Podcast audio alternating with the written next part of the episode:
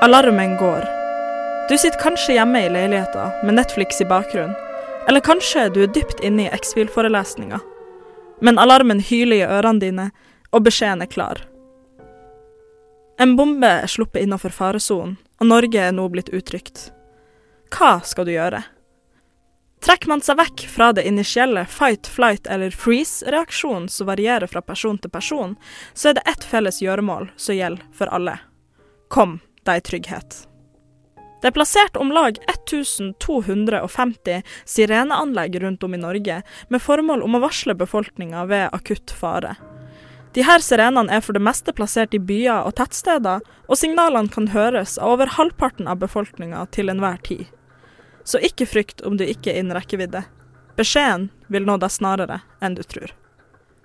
Det er derimot viktig å huske på at handlingsforløpet vil se noe annerledes ut ved en atombombe kontra ved direkte krigføring.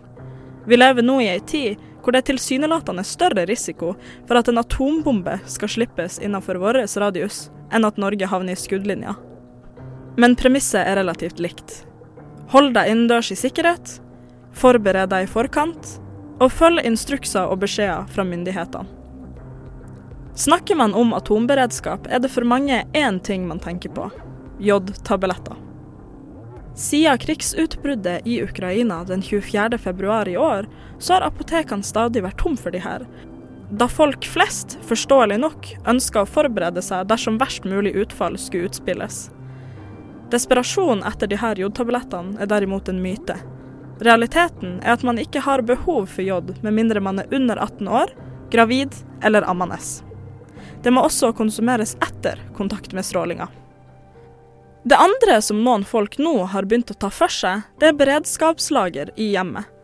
Nettsida Sikker hverdag anbefaler at man deriblant bør ha ni liter vann, to pakker knekkebrød, tre bokser middagshermetikk og noen poser tørka frukt eller nøtter lagra hjemme.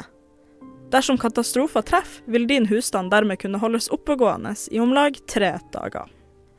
Men la oss se litt bort ifra atomrisikoen, og se på utfallet dersom krigen hadde inntatt Norge direkte.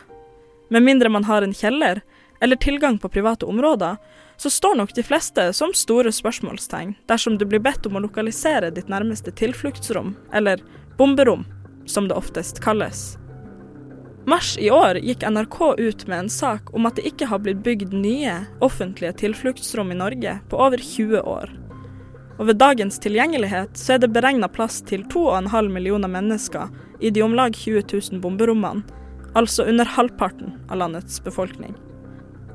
Mange husker kanskje da de gikk på barneskolen og man ble fortalt om det ene lille rommet i første etasje med den store, tunge døra, og man har sporadisk vært borti de her områdene før. Garderober i idrettssaler, toaletter eller lagerrom i gamle skoler. I 1998 fjerna myndighetene kravet om at offentlige bygg må ha tilfluktsrom, så antallet det har stått på stedet hvil siden. Og det er derfor man møter de her store, tunge dørene i bygg som oftest kunne trengt litt oppfriskning. 29.10 i år, for bare én uke siden, så gikk NRK på nytt ut mot mankoen på tilstrekkelige bomberom. De stiller spørsmålet hvor skal vi gjemme oss hvis flyalarmen går på ordentlig? Det er gassrørledninger i Østersjøen som eksploderer, og det er russisk spion som blir arrestert ved Universitetet i Tromsø, så det er naturlig å føle på at krigen er særs mye nærmere enn man kanskje først trodde.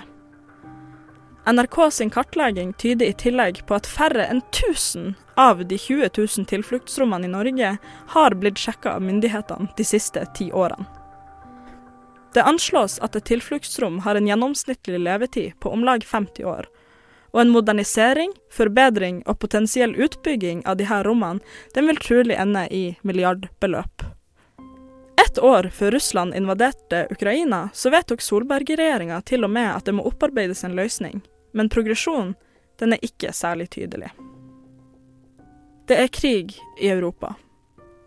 En krig som står oss nærmere enn noensinne. Det bærer med risiko. Ved ønsketenking så vil vi i Norge være trygge til krigens ende, og kun måtte se på tragedier på avstand. Men redselen og risikoen vedvarer.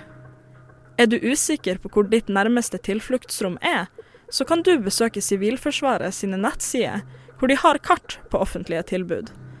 Vil du være på den sikre sida, så kan du vurdere å kjøpe jodtabletter om du er i målgruppa, og du kan vurdere å fylle opp en vannflaske eller to og legge i klesskapet. Man krysser fingrene og ber for å unngå det.